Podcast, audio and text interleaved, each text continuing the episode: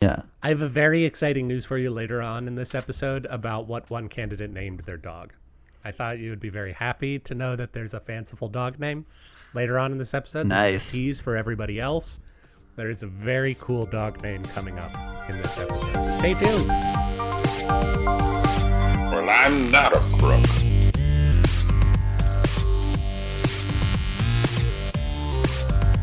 but because they are hard. Welcome to Presidential Deathmatch, the only presidential debates that matter. Today's headlines fighting words, fighting men, and fighting Jews. Today on the program, we discuss third party candidates of the early 2000s. All that and more on today's Presidential Deathmatch.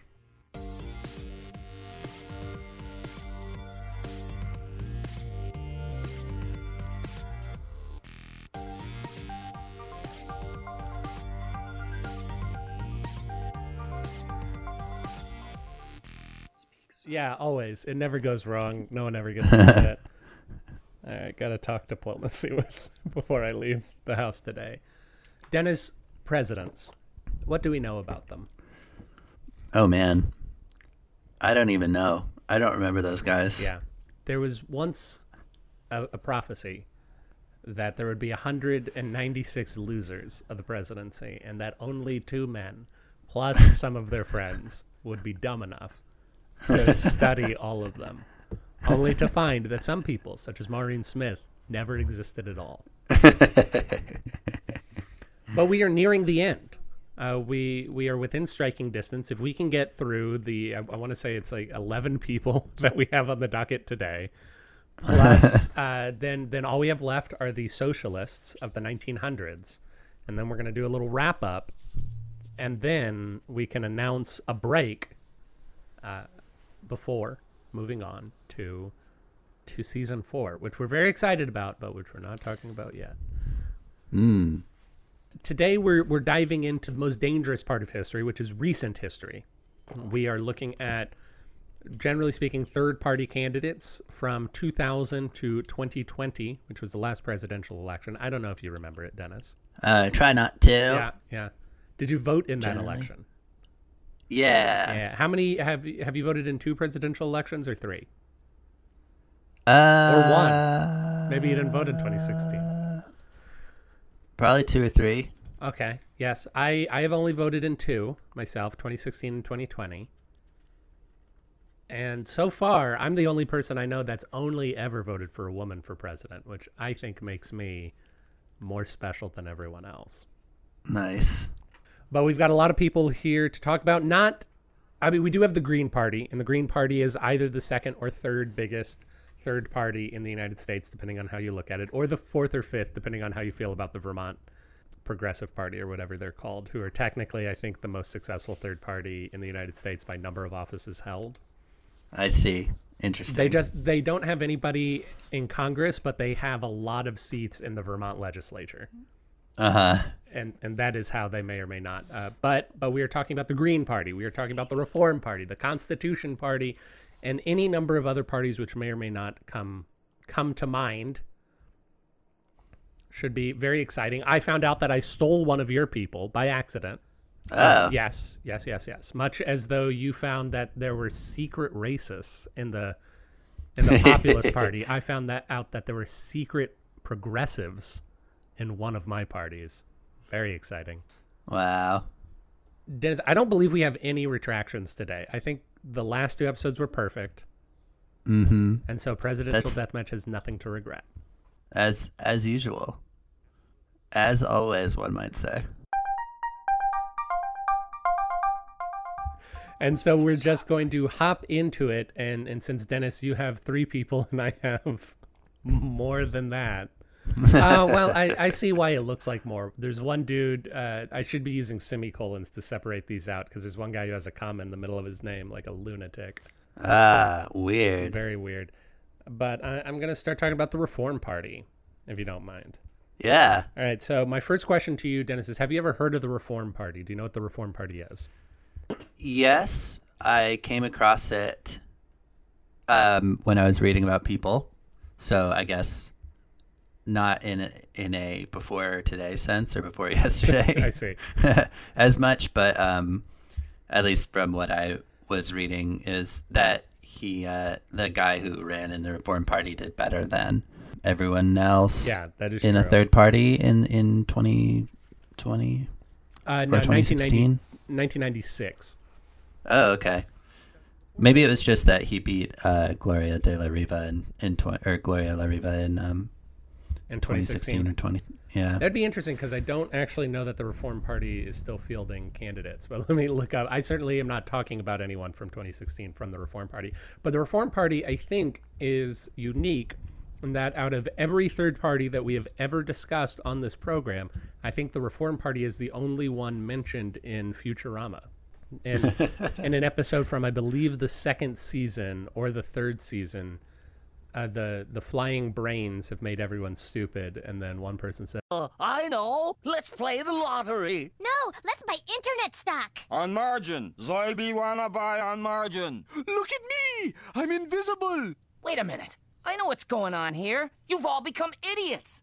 Hey, let's all join the reform party. says, "Let's vote Reform Party," and then everyone agrees, and they all they all laugh at the expense of Ross Perot. The Reform Party was founded in 1995 as a haven for Ross Perot and his political ideas.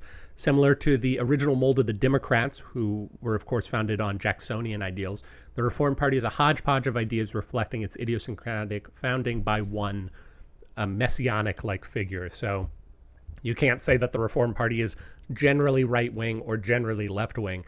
They, in fact, have the incredibly stupid designation radical centrist, which demonstrates how uh, utterly bizarre it is that we try to categorize everything as right wing and left wing. Although it is by some metrics the most successful third party of our lifetime, by which I mean Dennis and I's lifetime, the Libertarian Party has more elected officials, but the Reform Party has won higher offices and did better in presidential elections. It has severely waned in popularity since the late 1990s. It I feel like it is one where it is the word reform Mm-hmm. on a ballot Yeah. and so it's just getting getting those votes. Yeah, exactly. Like if someone was called the the ice cream party. Wait a minute. Yeah, what do they stand for? Put I that like one in your pocket. That's an idea. But the the problem with that one is that then someone would come out with the Rocky Road party Yeah. I don't like Rocky Road. and would I don't mind disagreeing divisive. with Weird Al on this particular subject. yeah, I'm a cookies and cream man. I always have been. I may always be. Well, so maybe that'll be you who starts that party. God, dude, Blue Bell came and had an eggnog flavor this year. It's so good. Oh, really? So delicious. Oh, yeah. man. It was r- I don't know really if I- spectacular. It's so I assume during the holidays. Yeah, I think I bought it in early January and just finished it up last week. I might have tried it. We'll we'll see. I'll Yeah. try it again. This cookie All two right. step best flavor That Sounds like you believe. Cookie two step is great. I, I'm uh, I switch between Cookie Two Step, mint chocolate chip, and vanilla most times. Mm, Wow. Yeah. You know, our dog's named after Cookie Two Step specifically. I don't know Oh, is you it? knew that. Yeah. I have a very exciting news for you later on in this episode about what one candidate named their dog. I thought you would be very happy to know that there's a fanciful dog name later on in this episode. This is Nice. a tease for everybody else. There is a very cool dog name coming up in this episode, so stay tuned. I'm looking forward to Uh, that. So the Reform Party generally stands for economic populism, a limit to trade and globalism, and electoral reform. The form of electoral reform is not what we're focused on today in regards to usual a limit to gerrymandering as well as a, a limit to political contributions. Their electoral reform was was some forms of campaign finance reform, but it's more about which parties qualify for it as opposed to uh, rejiggering it altogether. Jesse Ventura's election to governor of Minnesota is the high watermark of success for this party. In the late 1990s, he he got governor of Minnesota while running as a Reform Party candidate, but they do still hold nine elected offices as of 2021, mostly city council spots, which is where you see a lot of these third parties somewhat succeed. Besides Ross Perot, only Pat Buchanan qualified for entry onto our list of people to discuss. However, they have run candidates in every election since their founding. So let's talk about Mr. Pat Buchanan. There is a religious war going on in this country. It is a cultural war as critical to the kind of nation we shall be as the Cold War itself. for this war is for the soul of America. Born in 1938, Pappy Buchanan may have the distinction of being the first candidate on our list to be born in Washington, D.C. And since he was born in 1938, he was born at a time that it did not did not have voting power in either the House of Representatives, the Senate, or presidential elections. And Pat Buchanan is also, hopefully, the only member on our list to be a member of the Sons of the Confederacy, though we have had actual Confederates on our roster. Someone the other day said uh, was telling was proudly speaking about sharing birthday with John Tyler, and they were like, "Oh, and John Tyler was is was the first vice president to become president, so that's pretty cool." And I was like, I was like, I, believe he was also the only president to later join the Confederacy. And then it, almost as soon as I started saying it, I was like, this is just going to be a bummer for everybody, and wanted to stop, but it was too late. Yeah. Such is the weight of historical knowledge. Yes, indeed. And actually, that leads me very well into the the next point because I wanted to. One of the reasons I want to start with Pat Buchanan is I feel like we we can get lost in the weeds. We being me and you, and as well as other uh, historical folks, um, telling these people's stories. Why does it matter? Why do we care? Why do we care about Pat Buchanan? Why do we care about John Tyler? Why do we care about any of these people? And I think that we care because the the stories can help us make sense of our own world. How did we get here? Where are we going? And Pat Buchanan, as a man who advocates for policy positions which reflect the exact moment that he was born in 1938, he was Nixon's first advisor. He coined the term silent majority. Uh, this man is representative of a small but important aspect of the American disaffected conservative, the sort of person who doesn't just want to get America out of wars, but he also wants to get America out of trade. He peddles fairy tales to broken factory towns and promises them things which cannot be true. And I, I think we've seen a lot of that over the last eight years in the Hmm. Republican Party specifically. And, and that is why we want to know who Pat Buchanan is, why he believes what he believes, and how how successful he was. Is he still alive? I think all of these people are still alive Same. that I'm yeah, that I'm talking about today. So it is to say that Pat Buchanan is the kind of intellectual buffoon who supplies the emotive right with bad arguments for their policy positions, policy positions that I think are detrimental to anybody at any time, but also specifically to America right now. He first came to national prominence when the St. Louis Globe Democrat published an edited version of his master's thesis in which he argued that the trade embargo against Cuba, this is in the 60s, was profiting Canada, who picked up the trade slack. So when we shut down trade with between America and Cuba, he was saying, well, Canadian trade with Cuba uh, quintupled over the next year. Clearly, we're really just hurting ourselves. Shortly thereafter, he was hired by the Nixon campaign for speechwriting and opposition research. He would stay in the White House through Watergate and into Ford's nascent presidency. He was offered a South African ambassadorship, but that was rescinded due to outcry from some circles, specifically the press.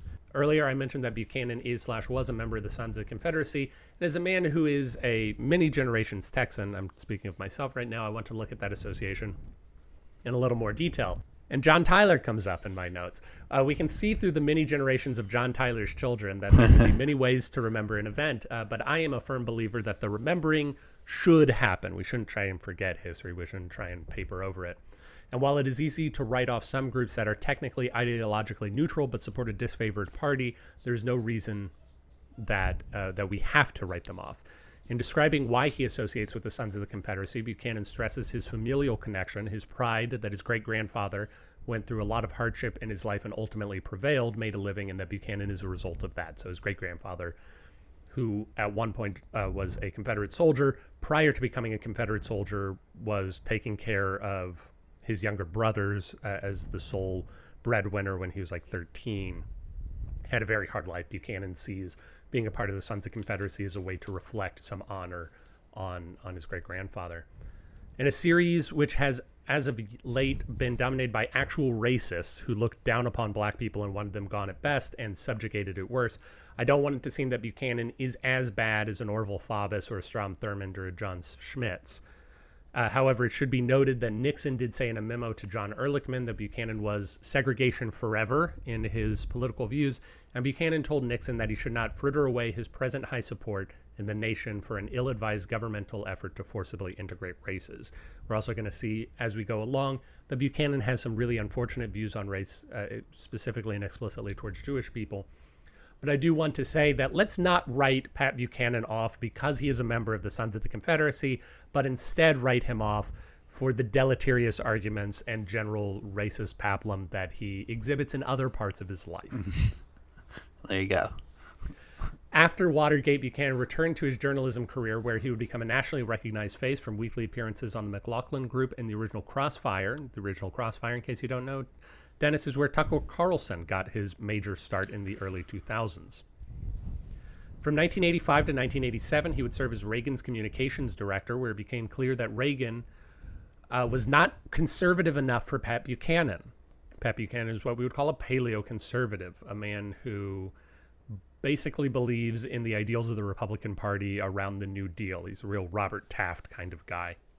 He would become critical of Bush Sr.'s foreign policy and would challenge Bush for the 1992 nomination, causing a general slide for Bush to the right, which some might consider responsible for his loss to Bill Clinton in that election.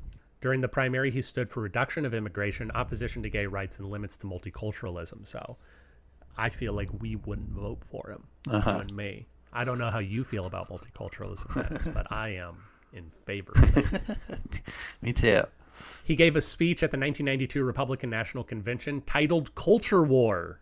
As far as I know, this is the first instance of that phrase in print. He spoke of the evils of the coming Clinton administration, including gay rights and the ability for women to serve in the military. Unfortunately for us, that hellish world would come to pass, and we are all witness to the toxic effect such liberal policies begat. I feel like culture war is a little bit redundant. Like any conflict, any any conflict between two groups is on some level a culture conflict. I feel like. I suppose that depends on your definition of culture, because yeah. I could at least say that, say the um, the greenback arguments are: do we want to base our economy on gold, silver, or on the nebulous concept of service? Isn't explicitly a culture war. Yeah, though I feel like as soon as it becomes something where people are rallying behind two sides, there's like then some... it becomes culture. Yeah, yeah. There was um, there's a podcast to that effect. I don't remember what it's called. But in a blistering rebuke of that 1992 speech, Molly Ivins wrote, Many people did not care for Pat Buchanan's speech. It probably sounded better in the original German. which is very funny. Nice. Buchanan would try again for the Republican nomination in 1996, being an early contender but ultimately losing to Robert Dole. Buchanan left the Republican Party in 1999 to contend for Perot's Reform Party. His main competition was John Hagelin, the transcendentalist Dennis talked about a while ago, mm. which should hmm. tell you how serious this party was. Interestingly, Buchanan was supported by some socialists due to his opposition to free trade and some tax positions that he held.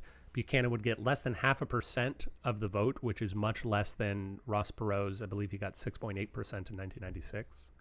Uh, though it is estimated that as many as 3,500 votes that Buchanan received in Florida were actually owed to Al Gore in that election, uh, which which we understand um, to have potentially rather large consequences. Yeah, Buchanan would later rejoin the Republican Party and has supported all of its nominees for president since 2004. He was an early supporter of Donald Trump. He would return to various media jobs until pressure over Hitler defending statements. He's a man who defended Hitler on a number of occasions, and various racistly tinged remarks seemingly led to his firing from MSNBC in 2012. What he is up to now is of little interest since the positional similarity of Donald Trump. So, a lot of the things that Pat Buchanan wanted embodied by Donald Trump. Donald Trump is a much more powerful current figure, so we don't care as much about what Pat Buchanan is up to anymore.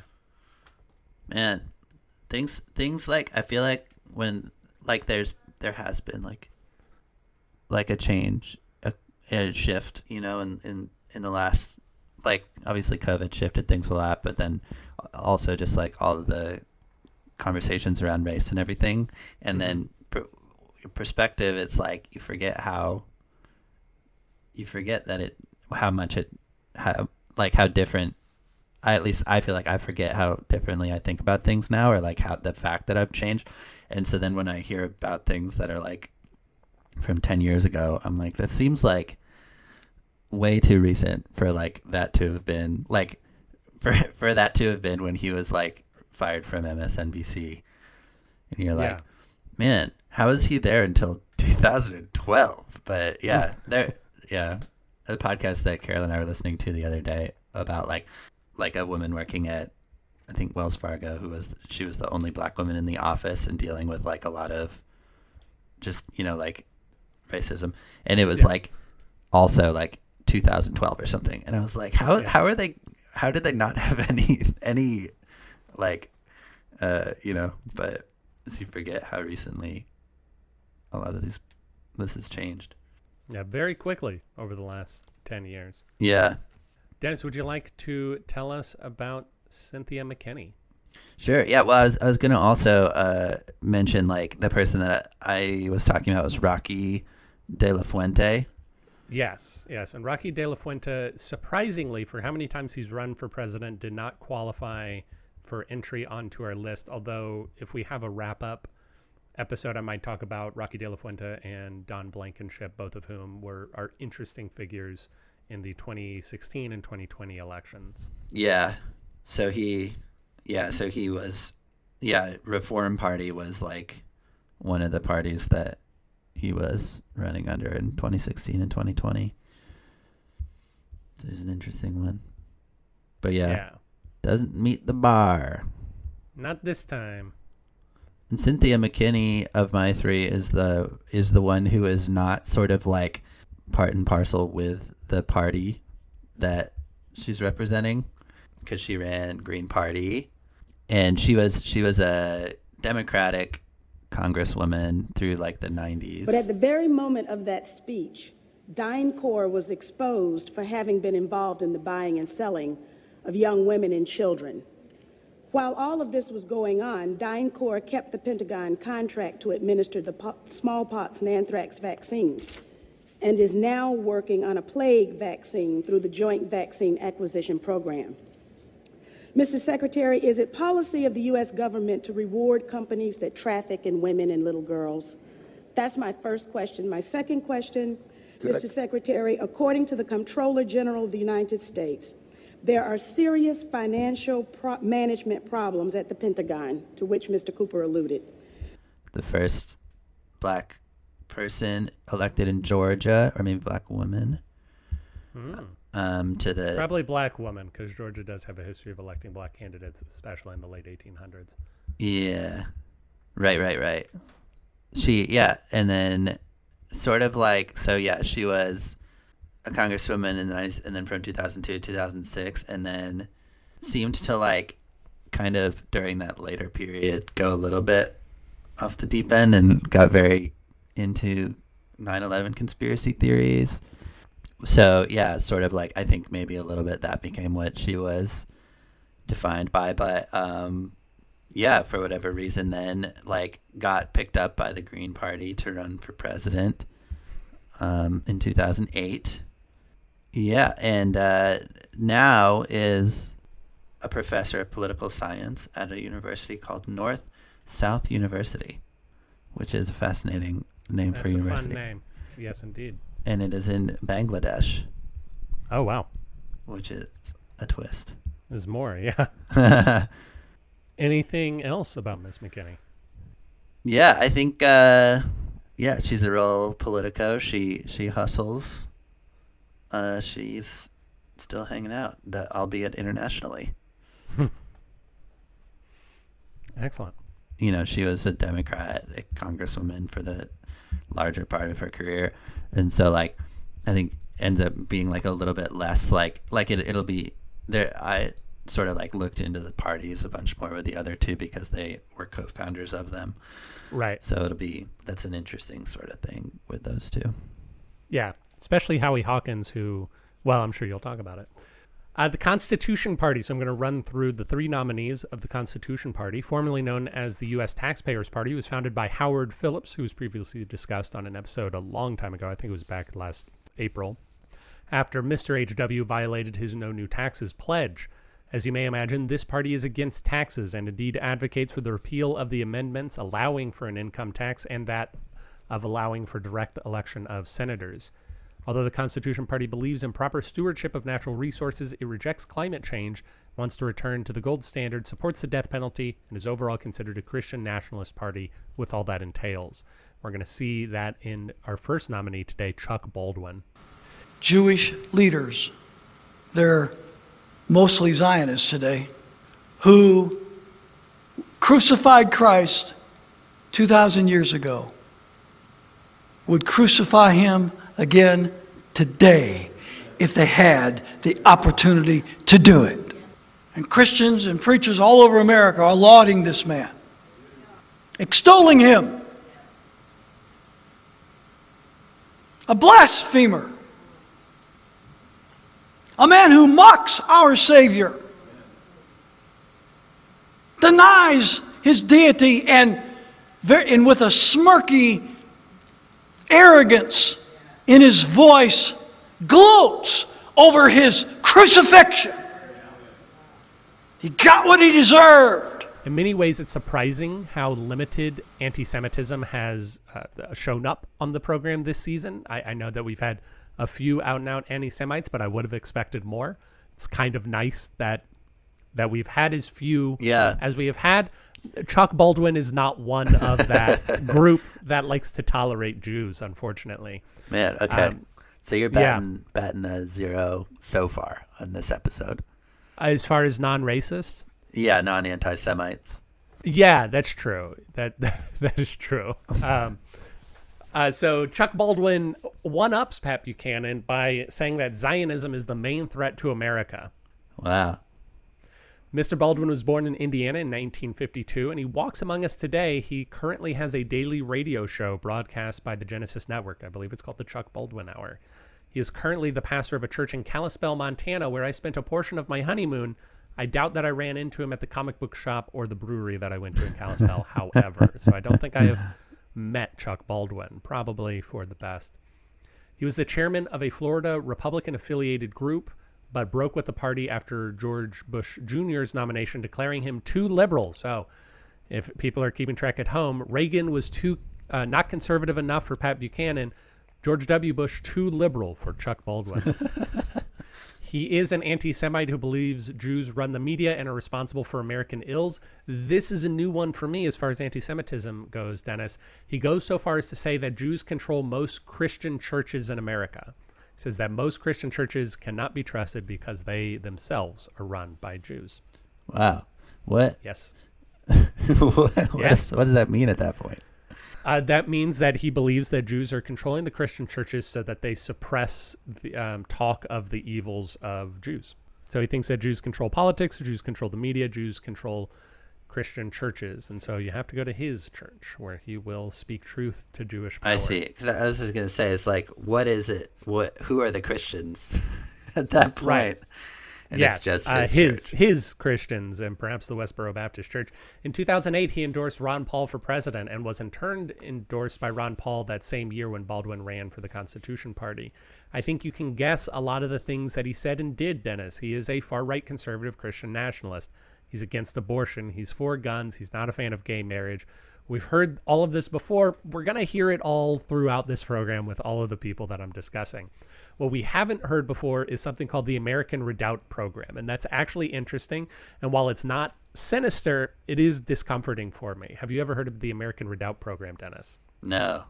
Okay, so you may remember a while ago we talked about I'm I'm having trouble because my monitor just went out with all my notes on it, um, as well as with with your shining face, and so I'm trying. There we go. We are back. Uh, so you may remember a while ago we talked about the the Free State Project of the Libertarians, where the Libertarians since the mid 1990s did a survey and tried to say we we want to find a state with low population that is already friendly to libertarian ideals. We want to get I think it was 20,000. We want to get a significant number of libertarians to move to that state as a way to uh, focus our political power. The American Redoubt program is similar to that, but for far right conservative Christian nationalists. Baldwin uh, spent most of his adult life in Florida, but in 2011 he moves his family to Montana because of the Redoubt program. He says God called him to Montana as the tip of the spear in the coming fight. Quote Chuck Baldwin, We know there's a fight coming. We know there's a line being drawn in the sand, and we want to be in the right place. The good ground is right here in Montana. It's a very scary quote. It's an incredibly discomforting, scary quote about a man who believes that he is literally going to have to go to war and that Montana is the defensible position from which to do that. Mm-hmm. The American Redoubt movement is a political migration starting in 2011. Survivalist James Rawles advocated that conservative Christians move to Idaho, Montana, Wyoming, and the eastern parts of Oregon and Washington, and likens it to the Puritan migration of centuries past. Its true reach is unknown, but the movement continues to be propped up by Rawles and Baldwin to this day. Wow.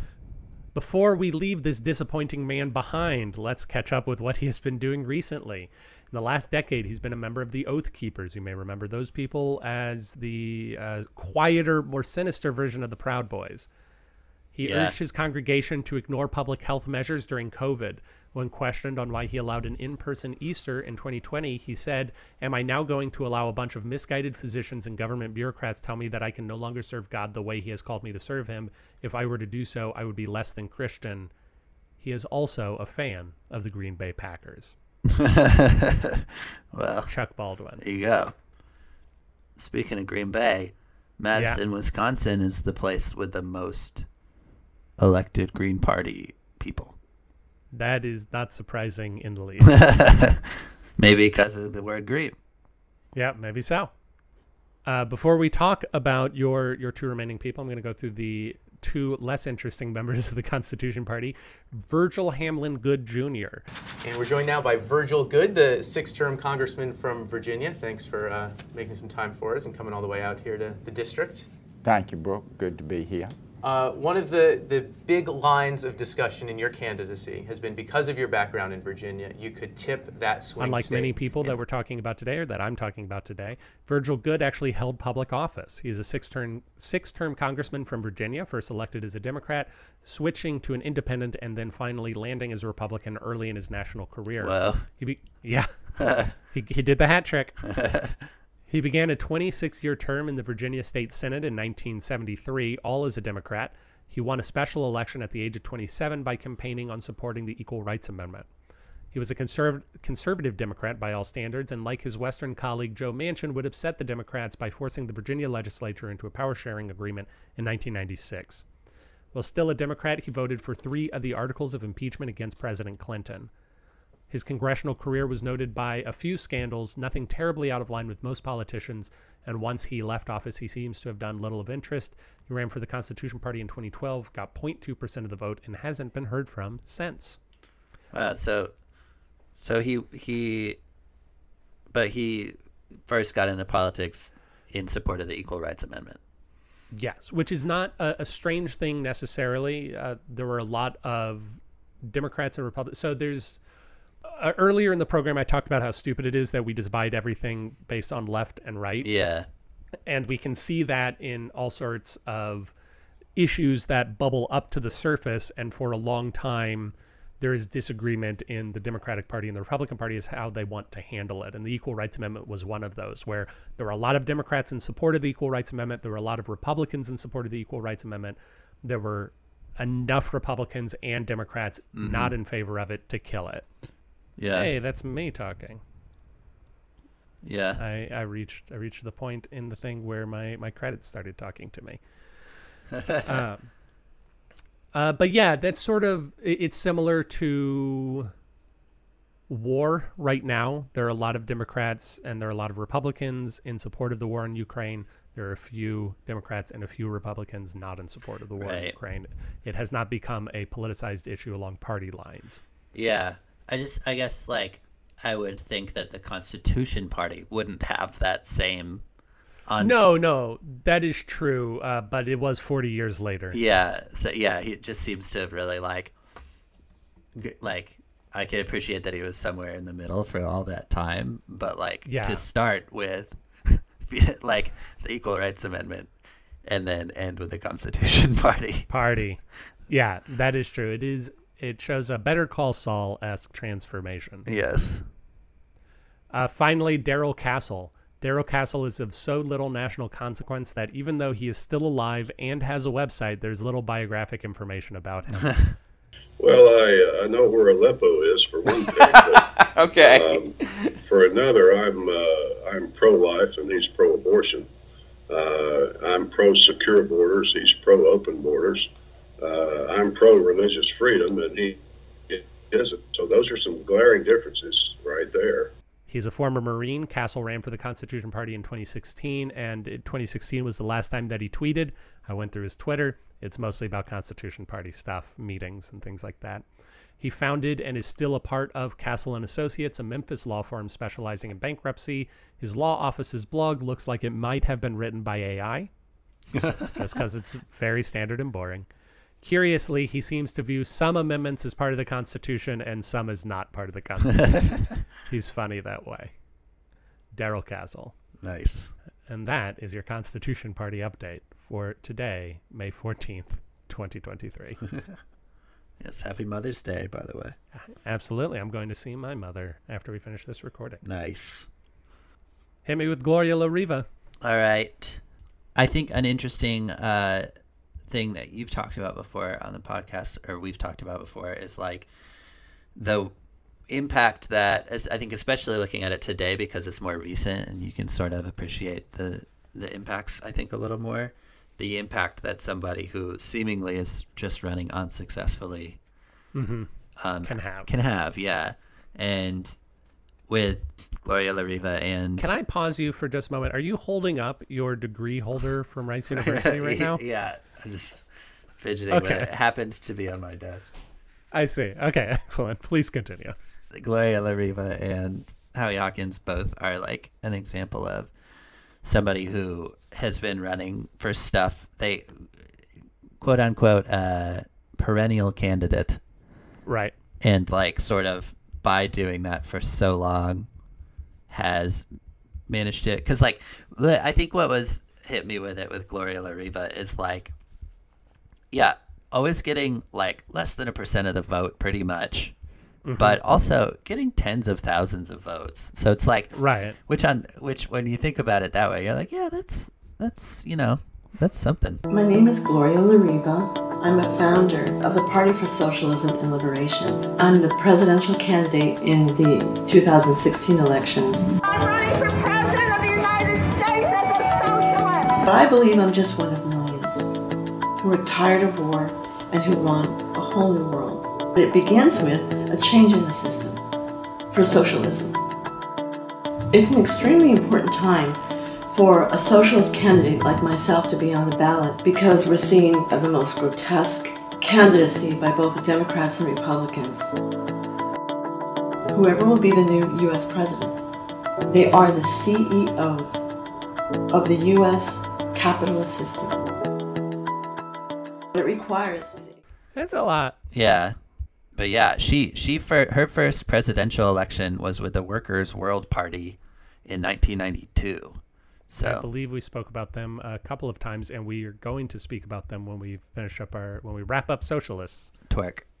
Yeah, so so that was a long time ago. That was her first time being a candidate for president, and then all the years surrounding that, she was the candidate for vice president of that party before splitting off because of not feeling that the Workers' World Party was impactful enough or didn't they they weren't ambitious enough. Mm-hmm. And that's when she split off with um with a fellow named who would become her brother-in-law or maybe it was already, I'm not sure. Named Brian Becker in 2004. Um, and they formed the the Socialism and Liberation Party. Good name. Yes, the Party for Socialism and Liberation, PSL, Pumpkin Spice Latte. They were the PSL first. Okay. Probably. I guess I don't know. Maybe similar times. And yeah, I mean, it's really the socialist. It's not the Socialist Party that we are going to be speaking about, but it's. I feel like it's maybe the Socialist Party's current most. It's yeah, it's like um, the kinder, gentler version of the Socialist Party. Yeah, the Green it, Party in a lot of ways. Yeah, right. Yeah. Yep, she ran 2008, 2012, 2016, 2020 for president with that party. Um, and yeah, as the co-founder of it, it, she really is, like I was saying before, she kind of goes hand in hand with the party itself. And yeah, it's yeah, pretty pretty purely just like beliefs in socialism and is pushing that. Um, I guess the maybe the less extreme, like you're saying, maybe just only in the sense that they are like not com- maybe have like a platform that they speak towards and stuff. I don't know. Right. Yeah, Yeah. rather than being purely just like um, an ideology. someone who is trying to show how socialism would, in her view, improve the life of modern Americans, as opposed to someone who is militantly trying to scream their political ideology. I think is probably how I would would put it. Yeah, yeah. They speak toward they they talk about like leading a revolution to pave the way towards socialism. Right. Exactly. So, yes, but yeah, I mean, she's interesting. She's born in Albuquerque, uh, Nice. and she's just been uh, since a very like uh, kind of like I mentioned before, since a very young age.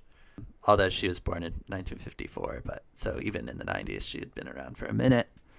Right. But that's pretty uh, normal for people to start getting into electoral politics. Yeah, totally. But yeah, I guess the first time that she ran as the vice presidential candidate with the Workers' World Party was when she was 30. Yeah. So that's technically not eligible. Yeah. So, but that's been yeah a long time. Yeah, I don't know any other things to say. She's uh, yeah. I mean, so socialism versus communism. I don't. I I would have a hard time. So I mean, I yeah, speaking too much towards it. She's pretty much a communist, though. so so so I think the distinction isn't there. It, other than being that they say pave the way towards socialism, so that once we're we've reached a socialist society, we can we can become a fully communist society. Yes. So if I and I am not an expert by any means, this is uh, why what I said when I did the episode on De Leonism uh, a few months ago. Um, I would say that socialism is a government form predicated on the government owning the means of production, and that frequently, though not exclusively, takes the form of common ownership of the means of production, which is what communism is. And so that communism is a form of socialism, but that socialism need not mean communism. Mm-hmm. Yeah, definitely a very interesting thing in practice. I think, yeah, like you had said the other episode, how like you think about the way that a union works Mhm. and just expand that to everything, which I think is the easiest way for me to wrap my head around it. Yeah, yeah, exactly. Exactly. And that's socialism, not communism. Or that's communism. No, that that is similar to commun more similar to communism than it is to socialism. A- another way for um, if if I were to reveal some of my own personal beliefs at the moment, uh, America is a capitalist country, but is not capitalist in the way that I would want it to be. Its capitalism is more focused on corporatism, which is to say that corporations have a lot more benefits and ability to control um, power than I, I think is good in a free market capitalism economy, which is what I would prefer and what I don't think we have. Similarly, communism uh, is a form of socialism, but it is not the only form of socialism. Um, and that socialism, uh, as espoused by the De Leonists, would function more like a union, but socialism under, say, the USSR did not function in that way. It, it functioned more as a one party rule state. Right. And similarly, although China is currently run by people called the, the Communist Chinese Party, the CCP, it, it's very clear that China is not is no longer operating under the tenets of communism as they would have originally been understood, and it is functioning more like an authoritative fascist esque government. Fascism being that the um, means of production are privately owned but directed by the government, whereas in socialism, the government both owns and directs the means of production. In capitalism, the means of production are owned and directed privately. Right. That is my understanding of those those various complicated economic and political systems. But let us now go to a man who is not a communist, not a socialist, but is a perennial candidate in the same way that Gloria La Riva was, Alan Keyes. I think that the critical thing is what you need to do. If you really want to see a change in government, then we need to restore the credibility of the Republican Party a credibility that has been destroyed by the betrayal of promises to keep government limited that resulted in outrageously high budget deficits uh, at a historic level in this country. The betrayal along the border, with the president telling us that he suddenly discovered we didn't have a secure border six years into his term. And if you want to accomplish that, join the political army of America's revival at alankeyes.com and make sure you become part of that change. We're not going to restore self government until you become an active people, not willing to take the inadequate choices you have, but Thank lifting you. up the choice that this country needs. Thank you. Alan Keyes is a former diplomat born in 1950. He has run in at least seven elections, won zero of those elections, but one of those is much more interesting in historical retrospect. Notable as a black conservative, Alan Keyes began his career in the State Department, being assigned to Mumbai before later being transferred to Zimbabwe. He embodied the harder, more conservative, and less palatable aspects of American diplomacy, but that's why Reagan loved him. While serving, he defended not using sanctions against South Africa for apartheid, claiming that it would cause black South Africans to lose jobs. It's a very common capitalist argument. While Keyes would later run a split ticket Constitution Party rump in 2008, he did seek the Republican nomination in 96, 2000, and 08. Dennis, do you know what I mean when I say a rump ticket? No. So a um, a rump ticket is when a party splits and uh, two different factions are saying that they represent the party. So if we think back to 1860, the Democratic Party nominated Stephen Douglas for president, but the Southern Democrats didn't like that, so they split off and they nominated John C. Breckinridge. And what we would say is that John C. Breckinridge was a rump ticket of the Democratic Party because it's a split off function. So in this particular case, in uh, 2008, when Mr. Chuck Baldwin was running. There were some people who wanted Chuck Baldwin to be the Constitution Party candidate. There were some people who wanted Alan Keyes to be the Constitution Party candidate. When Chuck Baldwin was ultimately successful, the people who liked Keyes broke off, and Keyes ran as an independent in that election. He is notable for losing three Senate elections by wide margins in two different states.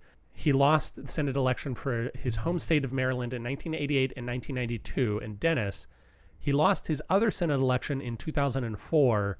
Do you want to guess what state that was and who he was running against? Illinois. That is correct. Illinois. And who would he be running against for that Senate seat in 2004 in Illinois? Obama.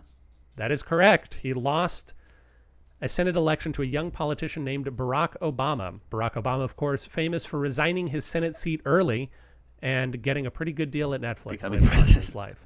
What he did in between those two facts, I couldn't possibly say. but Alan Keyes was uh, he was recruited by the Republican Party to run for this seat when their original candidate died. No, he didn't die. He pulled out. The original Republican candidate had a sex scandal, pulled out of the race uh, about 87 days before the election. And the Republicans, usually in those uh, circumstances, the party has, I think, three days to come up with a new nominee.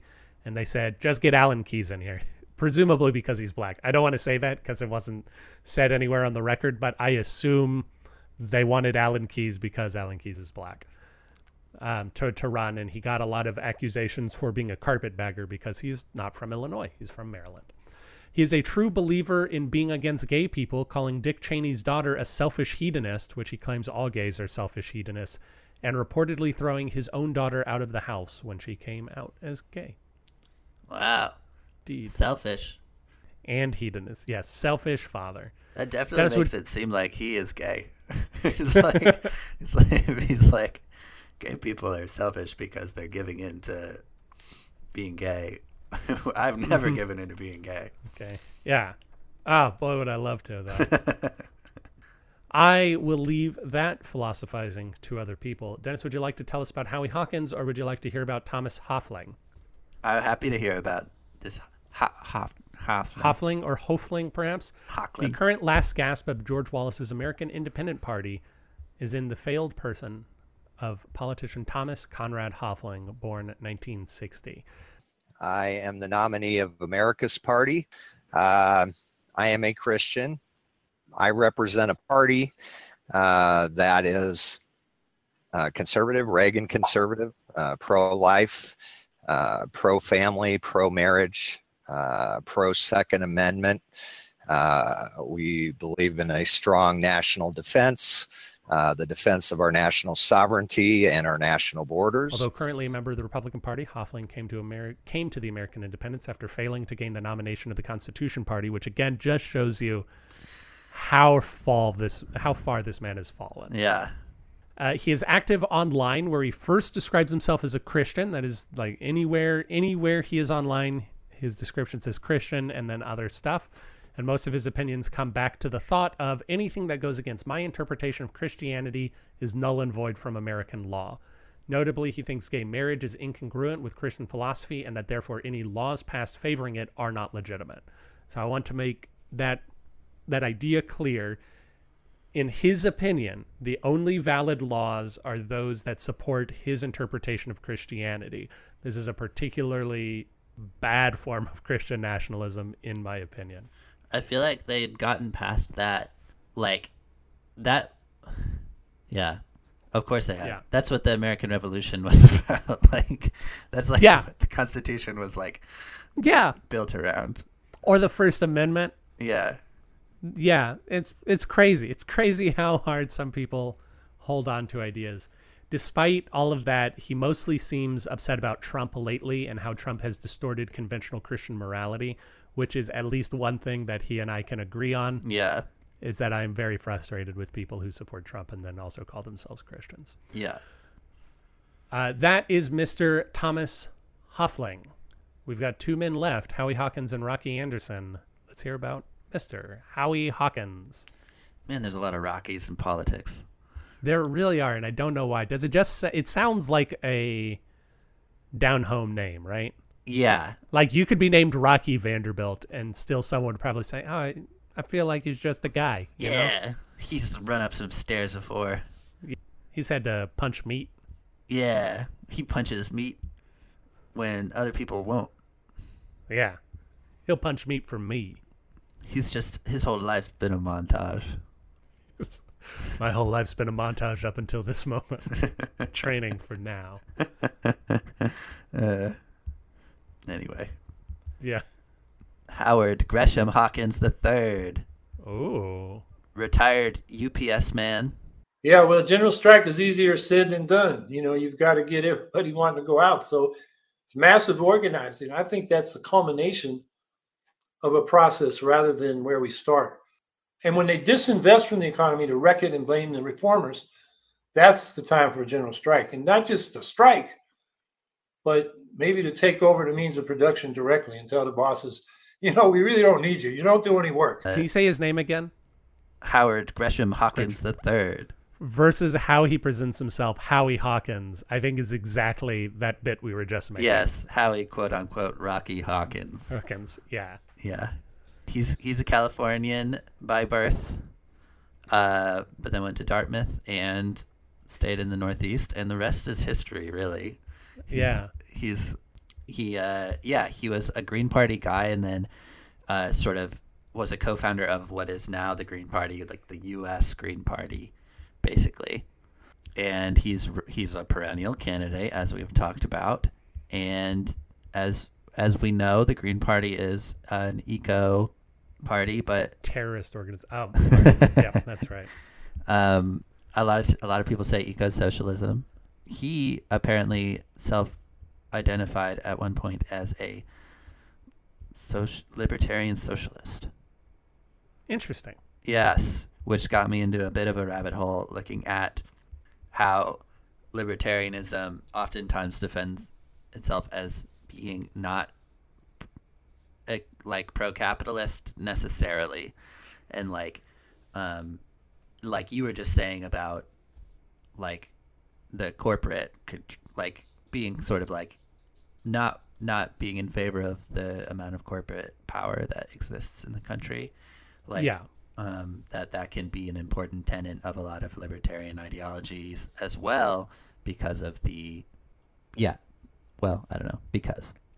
Yes, yeah. The, it is certainly interesting how much crossover there is between libertarians who consider themselves anarcho libertarians and socialists who consider themselves anarcho socialists. Right. Because they have many of the same goals. Um, I, I would argue that our friend Stephen Saltzman is an anarcho socialist in a lot of ways. Mm. And it is, again, interesting just to see where he and I agree and disagree on various topics. I am not an anarcho libertarian, Yeah. nor am I a libertarian. Yeah. Yeah. One interesting thing about it that like like that it got me thinking just I guess so Noam Chomsky is one one fellow. I think that's who Mhm. I was thinking of when I pulled that thought just now. But yeah, one one interesting thing is uh that they're talking about is that I was curious your thoughts is like that the powers should be the people that are basically um, the people in power when they make decisions. They're the ones who should have to be defending those things as opposed to the opposite.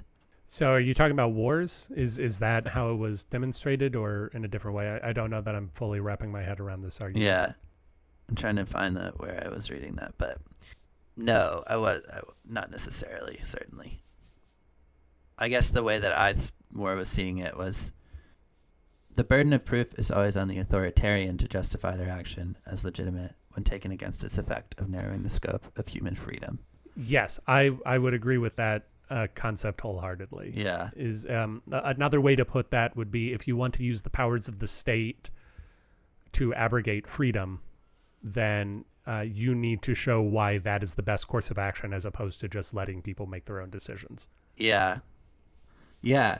I was thinking I guess I was thinking about it in too specific of a, of a case, but just in terms of like I like I think about the police a lot because of the time that we live in. And like I guess like having a and because something you've talked about is that at the end of the day whoever has the like the power the physical power to like make people follow rules that's Mhm. that's the government Yeah.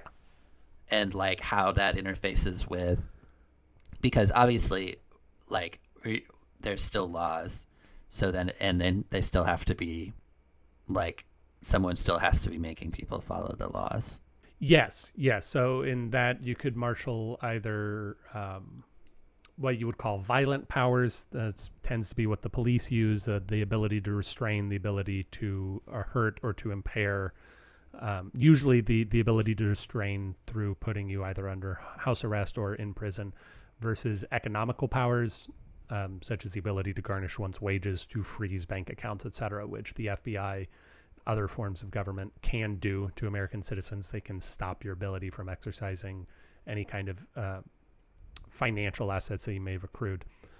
Uh, and uh, if using either of those two methods is always circumspect to me. Like you, you do always need to prove that this is in the best interest of the folks in order to do it. And ideally, you have an independent judiciary which I think we do have. I know that the judiciary has been under fire a lot lately, um, but an independent judiciary to uh, to keep that in check and to Mhm. act as a sort of counterballast in a lot of ways, and Mhm. also a free press to publicize things. yeah so the way that it, we have it going right now isn't that piece of it isn't necessarily something that like that this ideology is calling for change other than cleaning it up, making it better in the same way that Yeah. anybody would be calling Right. for that. Yeah. Yeah. Yeah, I think so. Yeah. What else about Howie Hawkins specifically though? Um, yeah, he's he's a teamster. He was a teamster throughout his Right. career.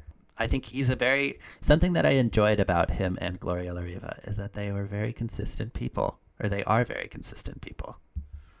Um, you know, like Bernie Sanders too. I think that's where a lot they get a lot of that positive over time, positive reputation is just like, yeah, they've just been doing their thing, Mhm. Um, and it makes sense when what what he's shooting for is is like he's never won anything. So it's Right. like, of course he has like it's a, of course he's not trying to, it, or like he's trying to get as much of a following as he can and as much noise as he can, but there's no reason for him to be shifting his ideology because he's not motivated by winning elections, at least on some level. But he is so the Green Party that he formed and um, is the one that Nader ran on. So that's a lot of where the tension on him comes from too. I would say, um, in, Right. in the uh, in the Gore Bush election, where they say that Nader may have caused.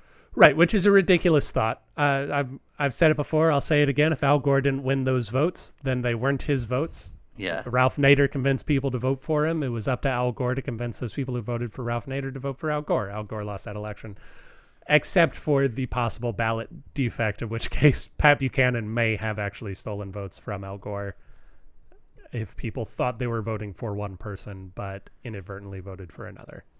It is interesting that, uh, in like that one in particular, that there was a like just because Gore is like the most climate change person, Mhm. Especially now. Yeah. Yeah. Um, it's a funny. It's a funny like layer of that whole thing. Yeah, it it it is good, but I I get frustrated. I as I just did get frustrated when um, the party that is the oldest political party in America has the most institutional power of political parties in America, uh, has the most money of any political party in America, uh, is still somehow blaming an independent candidate for why they lost. Yeah, yeah, yeah. That's def- yeah. That's definitely silly. Uh, is that all on Mr. Hawkins? Yeah, I was gonna let me see. I was gonna pull just the number of thing. What did they say here? Um, I th- there's some some number of elections that he has run because he runs for mayor of Syracuse a bunch, and then president and and governor of, Of New York, I assume? Yeah. Okay, I guess I don't see the actual number, but president, I guess there's only two. Ti- it's just 2016, 2020, and then Well, 2016 was Jill Stein, who we spoke about in the past. Yeah. Oh yeah, he was the vice. He was the vice president. Yeah. president. So just the one time. So far. Yeah. But governor four times or Congress Congressperson four times, and then governor three times. Syracuse mayor five times. Oh, that makes sense. Yeah. So if he Yes, indeed. The final person we're going to talk about today is Rocky Anderson, the fighting Rocky. per patient. And those are some of the headlines. This is Democracy Now!, democracynow.org, The War and Peace Report. I'm Amy Goodman. A new political party has entered the fray as an alternative to Democrats and Republicans ahead of the 2012 elections. On Monday, the Justice Party formally kicked off its formation with Born in 1951, Rocky Anderson is a lawyer and former mayor of Salt Lake City from 2000 to 2008. Ah. Despite leaving that post of Salt Lake City mayor 15 years ago, he is currently running for a third term as mayor after expressing disappointment in the current mayoral leadership. So that was as of two months ago. He announced that he is running for a third term as Salt Lake City mayor. Wow. So Exactly over what we'd uh, imagine a Rocky to be. Uh, That's true. A fighter. A Mormon lawyer. Yeah. a raised Mormon, though no longer Mormon. ah, that's very Uh, what a. yeah, very- classic Rocky. He's gonna he's gonna go out on his own. Much as we assumed uh, last week that the populace that Dennis would be looking into would be very liberal people, and it turns out they were very conservative races. I had assumed that anybody who was in a party that called themselves the Justice Party would be a hardline conservative, but Uh-huh. I was incredibly wrong about that. Uh, he is quite possibly far more liberal than the Green Party. He's one of those people that reminds you that really the political spectrum is a circle. Yeah, yeah, or horseshoe theory, and also that justice uh, isn't isn't a word that is only co-opted by conservative folks. Yes. Yeah, much like the American flag is now tend tends to be associated with uh, conservative folks instead of you know America. yeah. Uh, Rocky Anderson uh, founded the Justice Party and is currently its only candidate to run. He ran in 2012, although the Justice Party did endorse Bernie Sanders in 2016. Again, showing you how very wrong I was to assume that it was a conservative party. The party advocates for aggressive climate protection and transition to renewable energy, as well as campaign finance reform and a legal end to corporate personhood. This is what allows corporations to donate infinitely to various political causes. Uh, Mhm. and it also defines free speech in a way that allows corporations uh, perhaps a little bit more leeway in advertising than we may want to. I don't know if you remember a few years ago that Subway, uh, Subway, of course, sandwiches famously talks about their $5 foot long sandwiches. Uh, people measured them and they were like eight inches, something like that. They were well short of a foot Yeah. normally. And then Subway said something like, we're talking colloquially. Like with that, that was not meant to literally suggest that the words six inches and foot long meant six inches and 12 inches. And I believe they got away with that because there's some corporate personhood First Amendment stuff. Justice Party also stands for marriage equality and in towards a balanced budget and single payer health care. And it's listed something like justice for the climate, justice for uh, campaigns, and justice for the people. Like they, they have three main points in the Justice Party where they're they're saying justice for X, Y, and Z. In fact, quite surprisingly for my priors of Utah, he was named one of the best and most trusted lawyers in the nation, and also is one of the top political leaders for LGBT rights in the 2000s.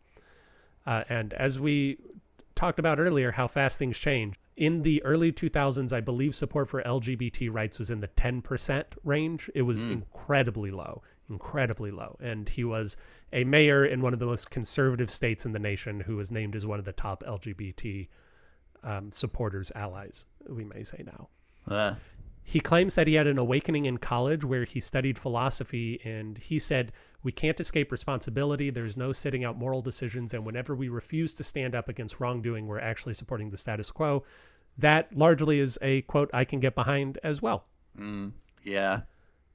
He is a civil rights attorney who helped reform Utah's child custody laws and started a program to help people afford legal counsel who couldn't. So, uh, Dennis, I don't know if you're familiar at all with. Um, so when when libertarians talk about sort of reducing certain types of federal aid programs, what they say, and this is actually a really unfortunate consequence of some of our programs in America, where if you are making under a certain threshold of money, you have so much access to government aid, right? Mm-hmm. But that aid isn't tapered off. And so as soon as you go above that threshold of money, you lose all that stuff. And so Uh-huh. they'll say things like, let's say there's a family that is making $13,000 a year annually. They can generally expect to receive about $26,000 of, of government support.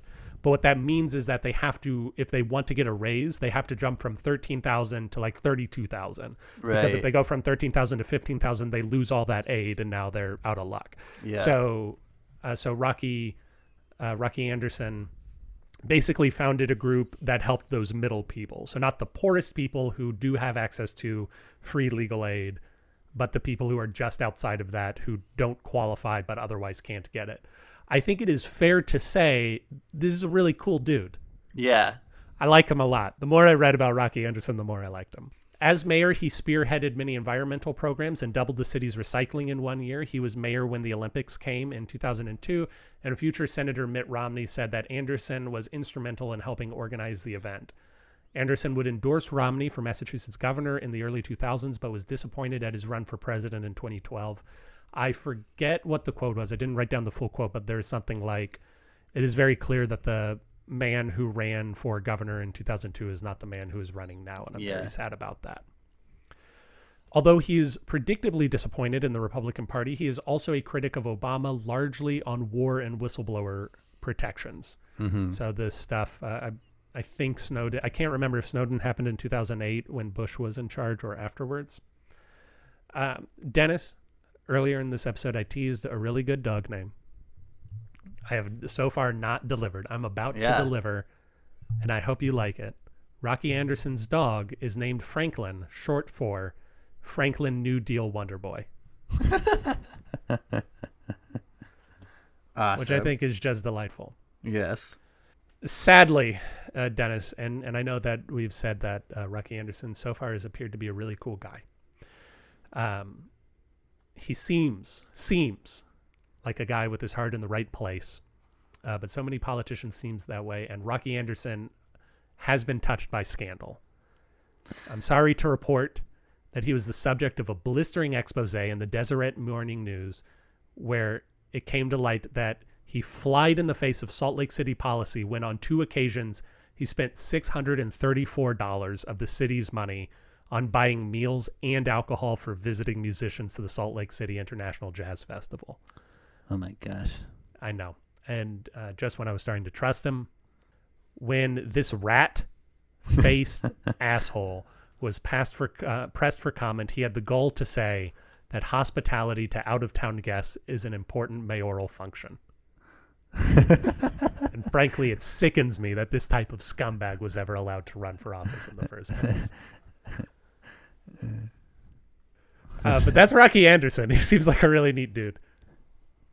Yes. I like Cool. him. Yeah, he is upset at the way that the current mayor is handling the homeless population in Salt Lake City, which I live in Houston, Texas, and I visited Salt Lake City recently. Salt Lake City's doing all right as far as the homeless are concerned. I, I can say that. Every city I go to, I'm like, dang, like the uh, the homelessness across the country is like in the from the last few years is like really sad. Yeah, I don't actually know if I I, I don't have access to anything right now, but I don't think homelessness has gotten worse. I think it's gotten concentrated. Yeah. Yeah, I, I think that we have had homelessness um, basically leave small towns and concentrate in major cities. Interesting. But but I'd have to go back and look at those numbers again. Uh, but anyway, those you- are. Oh, please. I was gonna say, do you want? Should we do a quick bonus segment where I read the ten key values of the Green Party? Yes, absolutely, we should. All right. One, grassroots democracy, which is In a big one. favor. Yeah. definitely a big one. And they do hold, especially Howie Hawkins holds to that one big time. Two, social justice and equal opportunity. hmm Good. Also a good one. Yeah, in Three, favor. ecological wisdom. Sure. Like when you just say wisdom, I can get behind it. Yeah. Gonna get in the weeds about trade offs, I assume, but uh, but so far, so far, so good. Four, nonviolence. Yeah, I'm in favor of nonviolence. Five. So those are those are what they call the four pillars. Mhm. The rest of these are just the remaining. Decentralization. Some web three stuff. Cool. Which is I think that's why that's where the that's the first thing that's more like we're talking socialism here. We're, Mhm, feel like. mhm. Six, community based economics. All right, don't know what that means. I'm uh, I'm a little uncomfortable with it, but sure. A, a word that comes up a lot is communalism. But I, Fun. c- I feel like it comes back again to like the social liber, libertarianism. or Yeah. Socialist. I don't know. There's certainly different shades all throughout. But seven, feminism. All right, I'm back on board. Eight, respect for diversity. True. Yes. Very Mm. positive on that. Nine, personal and global responsibility. Agreed. And 10 is future focus and sustainability. Also agreed. So it's really just that one point where the Green Party and I may or may not have a disagreement. I like that they put those two right in the middle. They're like, they're, they're like grassroots democracy, social justice, and then and then they're like uh, socialism, and then they go Yeah. back to just like, uh, socialism and feminism. we can all get behind that, right? Yeah. But it is like it's like I think the reason that this one and like we were saying about the um social socialism and liberation party too is like they have specific they have their house in place. They have like a specific platform. Yeah. And I think it really helps with It does. It does. Uh, some, you know, some uh, parties didn't write a platform in 2020. I think the Republican Party could learn a lot from the Green Party in this way of writing down its values and considering them and putting them in front of the American people. Like the Green New Deal too. Howie Hawkins campaigned on the Green New Deal, uh, like in the other, like in a gubernatorial election Yeah. before Jill Stein used it, and it's like uh, something that you know he was instrumental in writing up and everything, and it's a good thing to have when you're campaigning. That's true. I, I don't disagree. Uh, all right, so that takes us to the end of modernity.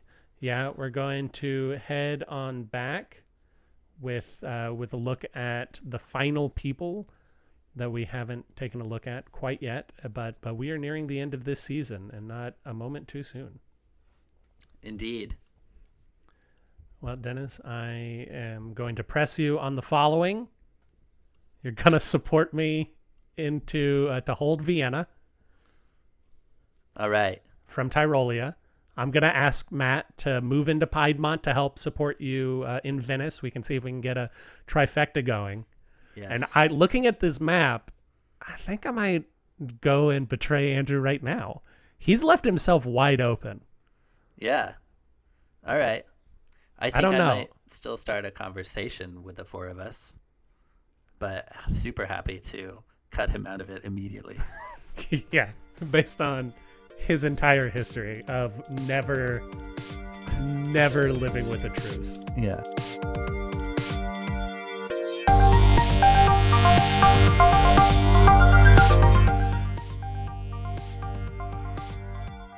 Thank you for listening to Presidential Deathmatch. Presidential Deathmatch is hosted by Aaron Garrett and Dennis Buddy and edited by Aaron Garrett.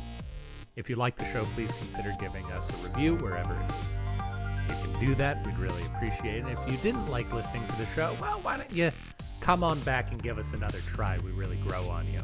If you want to reach out to us, you can do that at contact at pronoiatheater.com.